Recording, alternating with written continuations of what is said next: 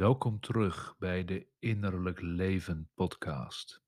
Ik ben Dirk-Jan Versluis en zoals ik in de vorige aflevering heb beloofd, krijg je vandaag een verdieping van stakeholder-centered werken. En we hebben vorige aflevering gezien dat Marshall Goldsmith's stakeholder-centered coaching een methode is die in zoverre uniek is dat het niet om de leider gaat, niet om het leiderschap van de leider individueel gezien, maar dat het juist gaat om degenen die daar direct mee te maken hebben. Met andere woorden, de mensen die die leiding ontvangen, de stakeholders dus.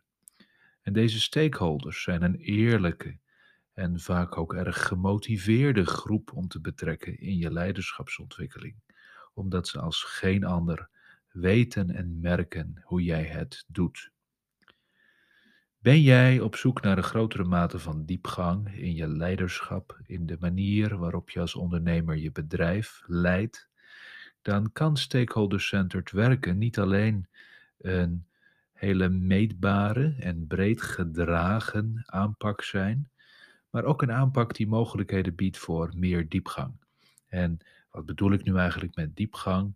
Nou, om te beginnen niet een doel op zich, want wanneer je graag wilt surfen, dan is diepgang alleen maar vertragend. En ik denk dat dat precies de metafoor is die veel mensen wel herkennen wanneer ze coaching bijvoorbeeld vooral praktisch en oplossingsgericht of performancegericht willen hebben.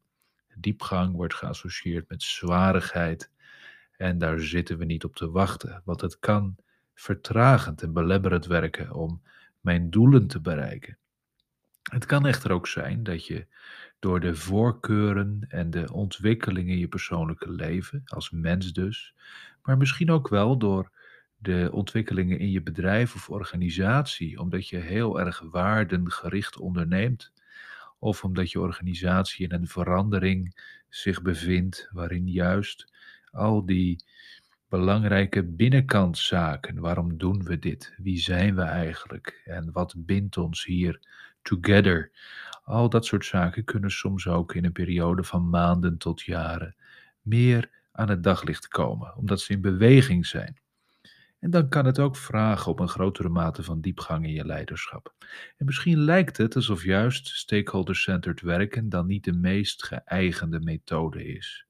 Omdat je misschien eerder denkt aan filosoferen over je kernwaarden of het bezig zijn met hele dienende vormen van leiderschap. Nou, dat kan natuurlijk, maar ik denk dat juist stakeholder-centered coaching hier grote mogelijkheden biedt. Waarom is dat? Nou, dat is omdat als je wat voorbij de aanvankelijke modellen van het stakeholder-centered coachen kijkt, dus het betrekken van je stakeholders, het evalueren met hen, het maken van een feed-forward cyclus, en het tonen van je kwetsbaarheid en je leerbereidheid als leider. Als we daar een klein beetje voorbij kijken, dan toont zich een innerlijk perspectief. En dat innerlijke perspectief is niet noodzakelijk voor stakeholder-centered werken. Dus je kunt heel goed stakeholder-centered werken, gewoon voor resultaat, voor gedragsverandering, voor een stukje cultuurverandering ook. Hoewel niemand precies weet wat een cultuur is, maar het is duidelijk als je in een collectief aan de slag wilt om een cultuur te veranderen, dat er ook een breder gedragen impuls van verandering moet zijn. En daar kan stakeholder-centered werken zich heel goed voor lenen. Het is dus niet noodzakelijk om stakeholder-centered werken per se heel erg diepgaand te maken. Het kan een surfplank zijn.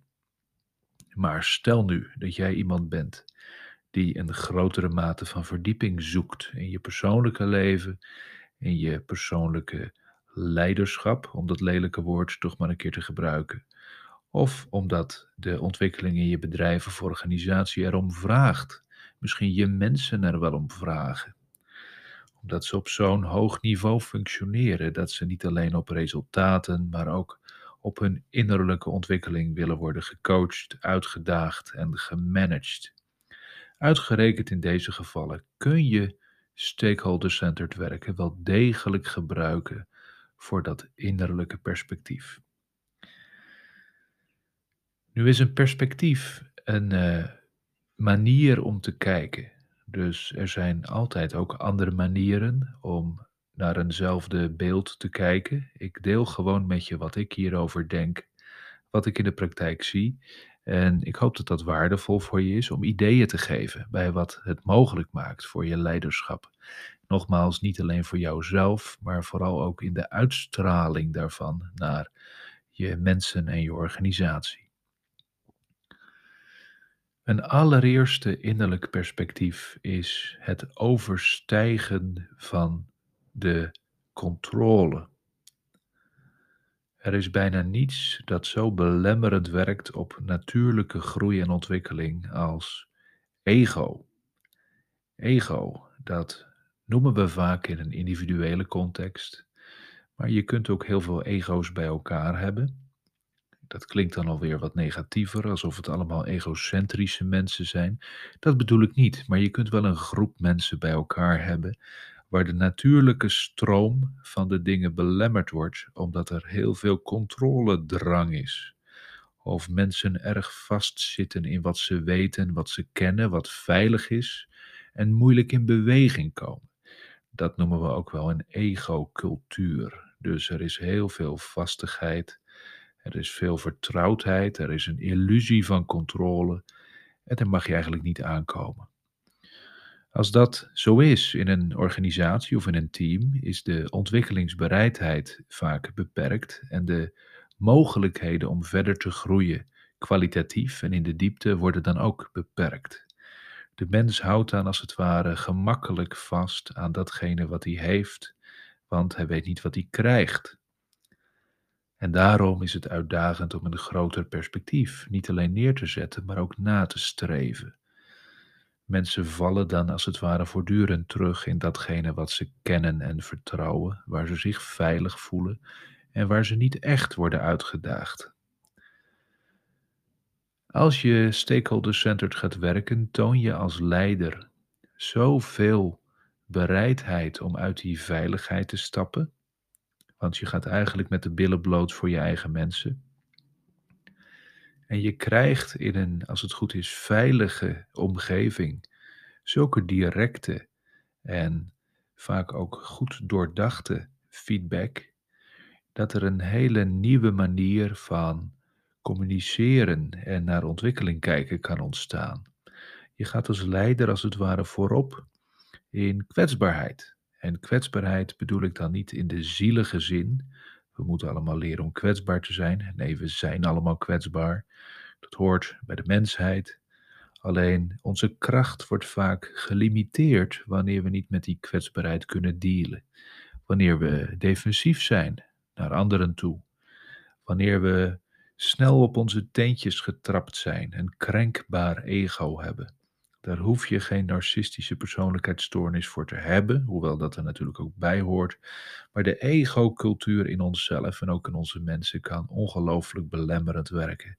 Het houdt namelijk de hogere bronnen van inspiratie, verbondenheid en kracht tegen. Stakeholder-centered werken, überhaupt wanneer je ermee begint, is al een stap in een ontwikkeling die buiten je gewone controle ligt. Je gaat voor een grote ontwikkeling, niet alleen van jezelf, maar ook van anderen. Je zet eigenlijk de omstandigheden zo neer dat er een groei kan zijn die ver jouw ego overstijgt. Niet alleen qua omvang, omdat er anderen bij betrokken raken, mee profiteren, maar ook omdat je vanaf het begin het vertrouwen laat zien dat je deze sprong of deze stap durft te wagen. En dat je daar ook een commitment van maandenlang of zelfs een jaar lang bijvoorbeeld werken aan koppelt. Zo serieus neem je het. Nou, dat is een krachtige impuls in het in beweging brengen van je mensen. Je gaat als het ware voorop in de strijd, in het loslaten van de controle en het aangaan van de openheid, van de kwetsbaarheid en van de creatieve mogelijkheden die zich daarmee ook tonen. Een tweede belangrijk uh, gevolg of uitvloeisel daarvan is dat die openheid ook een reactie bij je mensen gaat opleveren. Dus in de praktijk zie ik vaak dat werknemers of collega's het ongelooflijk waarderen dat een leider bij hen komt met een persoonlijke coachvraag. Het kan ook eervol zijn om daaraan bij te dragen, deel van uit te mogen maken. Dus je steunt je leider eigenlijk, wat natuurlijk goed is voor de cohesie, voor de samenhang. Maar er ontstaat dan ook meteen al een spiegelend effect. Want wanneer jij bijvoorbeeld mij zou vragen om feedback op wie je bent en hoe je functioneert en hoe je het beter kunt doen, dan kijk ik natuurlijk naar jou door mijn eigen brillenglazen. Anders gezegd, dat is altijd subjectief. Dus de functie van de feed-forward in het stakeholder-centered werken is natuurlijk toekomstgericht en positief van toon en vooral toegespitst op het gedrag van de leider zelf. Hij of zij moet die verandering maken. Maar ondertussen ben ik wel heel erg verbonden daarmee. En kijk ik hoe hij of zij het doet. En word ik indirect eigenlijk gedwongen om ook in mezelf te bepalen: wat heb ik eigenlijk nodig? Hoe beleef ik dit eigenlijk? Hoe kijk ik naar deze man of vrouw? Wat zou ik hem of haar gunnen? En ik word getraind in een positieve, oplossingsgerichte, toekomstgerichte mindset, waarbij ik toch voortdurend in contact moet blijven met hoe ervaar ik dit nou eigenlijk en wat heb ik nodig van die ander? Hoe kan hij of zij een betere leider voor mij zijn? Dus het lijkt te gaan over de leider, maar het is ook bewustzijnsvergrotend voor de stakeholders die deelnemen aan het proces. En er wordt vaak gaandeweg veel meer zichtbaar over welke behoeften leven er op de werkvloer, maar vooral ook bij de stakeholders. En wanneer je bedrijf organisatie wat groter is, hebben die stakeholders vaak een heel aardig beeld van wat er ook lager dan hun rang, om het zo uit te drukken, in de organisatie leeft. Dus je krijgt een uitstekende verbondenheid met het zogenaamde emotionele lichaam van je organisatie. Het gaat er niet om, het is geen doel op zich, maar je krijgt een hele makkelijke en veilige inkijk in hoe voelen mijn mensen zich, hoe beleven ze hun werk, hoe beleven ze hun leiderschap, uh, waar hechten ze waarde aan en welke onbevredigde of onvervulde behoeften en verlangens leven er in mijn organisatie. Allemaal binnen de context dat het eigenlijk feedback is die jou moet dienen als leider. En dat blijft het ook. Toch is het ook belangrijk in het peilen van wat er leeft, in het bewustzijn van je mensen. En met name wanneer het gaat om veiligheid, om veranderbereidheid, kunnen emoties die onder water zitten, soms een beetje verstopt zitten of een beetje onzichtbaar zijn, die emoties die zijn vaak ongelooflijk belangrijk.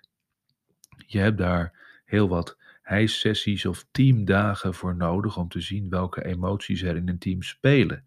En er is een bereidheid voor nodig, want het is op zich niet zo moeilijk om emoties te ontdekken, maar mensen moeten daar maar net zin in hebben. Moeten maar zin hebben om dat prijs te geven, dat in te brengen. Je kunt er natuurlijk nooit omheen dat mensen die bij jou werken, voor jou werken, ook emoties hebben die samenhangen met hun persoonlijke leven. Het is niet alleen werk, sterker nog, het is meestal niet vanwege het werk, het is breder, het is het leven. En wil je zo'n integrale kijk hebben op je mensen en ook een beetje weten hoe dat tot uitdrukking komt, dan is de openheid die met stakeholder-centered werken gepaard gaat, is eigenlijk wel heel erg handig. Want mensen hoeven niet over hun eigen emoties direct te praten. Ze hoeven niet een soort onthulling te doen. Maar ze geven impliciet wel een inkijkje in hoe beleef ik dit allemaal? Waar word ik boos of verdrietig of gefrustreerd van? Wat geeft mij een machteloos gevoel? Wat vind ik juist heel erg fijn wat je doet? En daaruit kun je, zonder dat het natuurlijk een doel op zich is, maar het is wel een hele fijne op stap richting verder werken met je mensen, kun je destilleren wat er in hun emotionele wereld omgaat en wat er belangrijk is. In de interacties die je met je mensen hebt, zal er ook een bepaalde mate van vertrouwensgroei kunnen ontstaan. Je gaat er als leider sowieso al niet met een gesloten vizier in wanneer je feedback durft te vragen aan je mensen.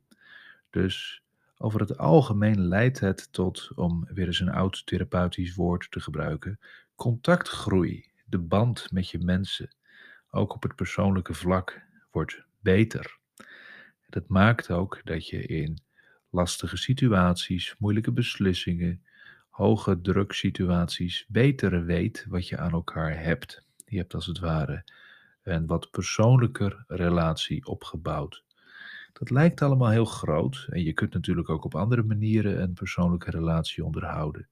Maar juist het kwetsbare en het openen van het feedbackproces maakt dat dat in organisaties vaak toeneemt. Het vertrouwen groeit, de band groeit en de wederkerigheid groeit. Daar is een heel belangrijk aspect aan, waar ik laatst nog over sprak, toen ik even een, een biertje zat te drinken, 0.0 trouwens in mijn geval. Ehm, en degene met wie ik eh, wat dronk, die uh, had wat, wat uh, commentaar op, op het psychologenvak en het coachingsvak. Goed bedoeld overigens, maar hij zei het is allemaal veel te individueel. En het gaat allemaal maar om die emoties en om die persoonlijke ontwikkeling. Ehm, had daar wat moeite mee, zag ook hoe dat in de praktijk niet altijd goed uitpakte. En wat ik in dat eh, eh, betoog uh, aan, de, aan, de, aan de bartafel goed kon meemaken, is eigenlijk dat veel coaching en ook therapie uh, nogal eens individueel gericht is. Nogmaals, een heel goed idee wanneer het gaat om de privacy aspecten, de nauwkeurigheid, om iemand individueel goed te kunnen helpen, goed aan te voelen, in te schatten, de individuele begeleiding, die ook vaak nodig is om tot belangrijke veranderingen te komen. In het stakeholder-centered werken zit echter iets heel belangrijks. Iets wat in mijn optiek essentieel is voor leiderschap. En dat is dat het groepsaspect gestimuleerd wordt. Dat lijkt niet zo, maar het is vaak wel zo. Ik zal uitleggen hoe ik dat bedoel. Natuurlijk maak je duidelijk wanneer je als leider laat coachen dat het om jou gaat. Met andere woorden, het doel van de coaching is dat jij een betere leider wordt. En gevolg daarvan is dat jouw stakeholders, jouw mensen die dicht om je heen staan, daar profijt van hebben. Een prachtige olievlek noem ik het vaak. Daarmee overstijg je echter een heel belangrijk ego-aspect, zoals we al gezien hebben. Dus de defensiviteit, de controlegerichtheid valt weg. Maar er is ook nog iets anders. Je gaat namelijk door de voortdurend terugkerende lijntjes die je als het ware legt met je stakeholders ook een innerlijke structuur bouwen. En dat is onzichtbaar, maar in de praktijk wel voelbaar. Je wordt hechter met je mensen door de contacten die je hebt, maar er ontstaat ook meer en meer wat ik nu eens even heel spiritueel zou willen uitdrukken, een groepsziel. Dus het woord ziel heeft vaak een individuele betekenis, in welke zin dan ook, duidt in elk geval op het innerlijke van de mens. En daar zit ook iets in van het is de kern van alles. Hè? Het is de ziel van het vak of de ziel van het boek en de ziel van het muziekstuk. Nou, de ziel is de meest wezenlijke innerlijke essentie die je vaak niet makkelijk in woorden kunt vangen. Natuurlijk heb je, wanneer je een groep stakeholders hebt, stel je hebt er tien geselecteerd om mee te werken, zijn dat tien zielen, om dat zo te zeggen. En waarschijnlijk zul je dat niet zo noemen, het zijn gewoon tien collega's en die schrijf je aan en ze dienen eigenlijk ook in de expliciete zin niet jouw ziel, maar je gedrag. Sterker nog, het meest relevante gedrag om vooruit te komen. Toch maak ik hier een nadrukkelijke distinctie, omdat we dit effectiviteitsverhaal van stakeholder-centered werken al lang kennen. Daar gaat het niet meer om. Dat weet je nu, dat kun je overal lezen. Maar er is een hele belangrijke bijvangst. En dat is eigenlijk dat de stakeholders ook voortdurend leren om een beetje af te stemmen op jou, hoe je functioneert en hoe je beter kunt gaan functioneren. En daarmee leren ze jou beter te zien, maar andersom leer jij ook hen beter te zien. En tussen de maandelijkse korte momenten van contact zit vaak heel veel bewustzijnsuitwisseling. Mensen zijn met je bezig in gedachten. Jij bent vaak ook met hen bezig in gedachten. En natuurlijk is dat logisch, want het zijn je mensen, dus je bent met elkaar bezig, je werkt samen. Maar er komt als het ware een meer bezield aspect op de werkvloer. En dat heeft alleen al te maken met het aan elkaar denken, het met elkaar bezig zijn en het nauwkeurig afstemmen op wie ben je en wie ben je voor mij en wat is er eigenlijk nodig om samen beter te worden. En dit is een gezamenlijke onderneming, leiderschap verbeteren, dus het is niet alleen de taak van de leider, hoewel het wel weer bij de verantwoordelijkheid van leiderschap hoort, dat de leider natuurlijk voorop gaat in het proces. Maar de groepsziel wil eigenlijk zeggen dat verschillende mensen ook betrokkenheid op je voelen, over en weer. En dat gaat zich als het ware als een netwerk verspreiden binnen je bedrijf of organisatie. Dus waar de ziel vaak in individuele zin wordt gebruikt, zou je kunnen zeggen wanneer je een organisatie binnenstapt. Een team heeft ook een ziel en dat is meer dan alleen de som van de verschillende teamleden bij elkaar. Nee, daar is iets waarvan je zegt: deze groep heeft iets, of dit team heeft iets, of dit voetbalelftal heeft iets, of niet natuurlijk. En dat refereert aan het innerlijke aspect. Klein beetje vaag, zeg ik niet om het te excuseren, maar meer om recht te doen aan de complexiteit hiervan. Toch is het denk ik in je dagelijkse functioneren het meest normale en herkenbare wat er is. Een groep mensen heeft ook een onzichtbaar, kloppend hart. Dat gaat ergens over. Er zit een energie in een team. Nou, dat onzichtbare innerlijke aspect, ook van een team of een organisatie, zou ik nadrukkelijk naar voren willen halen. Ik denk dat dat vaak niet gezien wordt en vaak de sleutel is om echt verder te komen. En dit noem ik voor nu even de groepsziel. En het is misschien een beetje ambitieus om dat in een stakeholder-centered proces te brengen als horend bij bijvoorbeeld de eerste twee maanden. Maar toch denk ik dat je van meet af aan al een situatie creëert door stakeholder-centered te werken, waarin de groepsziel versterkt wordt. Dus ook in de groei van je individuele collega's, maar ook het collectief, zul je kunnen merken dat er een grotere mate van bewustzijn ontstaat. Mensen ontwikkelen anders, ontwikkelen beter. Zeker wanneer je daar ook op een andere manier nog aandacht aan besteedt, kan het leiden tot een hele grote mate van verdieping en bekrachtiging. Je krijgt er een krachtiger team of een krachtiger organisatie van. Mensen staan er bewuster in. En zoals we in deze podcast vaker hebben besproken, effectiviteit en succes zijn in de regel toch functies die samenhangen met ons bewustzijn. Dus hoe meer we dat bewustzijn sterken, hoe groter ook de resultaten worden. Dit is een kleine en zeker niet uh, definitieve opsomming van wat er in het puur ogenschijnlijk resultaatgerichte van stakeholder-centered werken allemaal nog aan mogelijkheden, voorzetjes en openingen kan liggen om het niet alleen gedragsgericht de moeite waard te maken, uh, resultaatgericht de moeite waard te maken, maar ook nog een ontwikkelings- en verdiepingsslag door te maken, die je misschien niet aan de buitenkant meteen verwacht bij een methodiek als stakeholder-centered werken. Maar ik hoop met deze aflevering een inkijkje te hebben gegeven in dat ook een puur resultaatgerichte methode een zielsaspect in zich draagt. En het zielsaspect dat Marshall Goldsmith's methode vertegenwoordigt, is voor mij persoonlijk nog veel belangrijker dan dat leiders hun resultaten halen.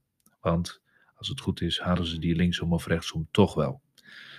De verinnerlijking die mogelijk wordt door stakeholder-centered te werken, is wat mij betreft onderbelicht. Er wordt relatief weinig over gesproken, misschien omdat juist het resultaatgerichte en het meetbare zo aantrekkelijk is.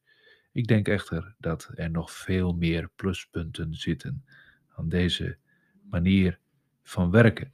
Ik hoop dat dit je wat inspiratie heeft gegeven. En wanneer je zelf een leider bent, Of dat nu in het bedrijfsleven is of in de publieke sector. En je kent je groep mensen met wie je dagelijks werkt. Je kent als het ware ook hun groepsziel. Als je nou eens op een bierviltje zou moeten schrijven: wat heeft mijn team nodig? Wat zou er eigenlijk moeten veranderen hier? Al zou ik het bij wijze van spreken met een, met een spuitbus in mijn bedrijf kunnen spuiten, zoals een luchtverfrisser, wat zou ik dan hier wel graag in de lucht willen laten hangen? Denk daar eens over na. Denk na over niet alleen de gedragscomponent, de resultatencomponent, maar ook de innerlijke kant van wat je in je team of in je organisatie zou willen veranderen. En sta jezelf ook eens toe om te bedenken wat er mogelijk zou worden wanneer je meetbare, breed gedragen veranderingsprocessen kunt gaan creëren, waarin je niet alleen zelf een betere leider wordt, dat is natuurlijk aan de buitenkant het belangrijkste doel, maar ook wanneer je mensen die groei met jou meemaken, zonder elkaar kwijt te raken als het even kan. Ik hoop dat dat interessant voor je is en ik wens je een hele fijne dag.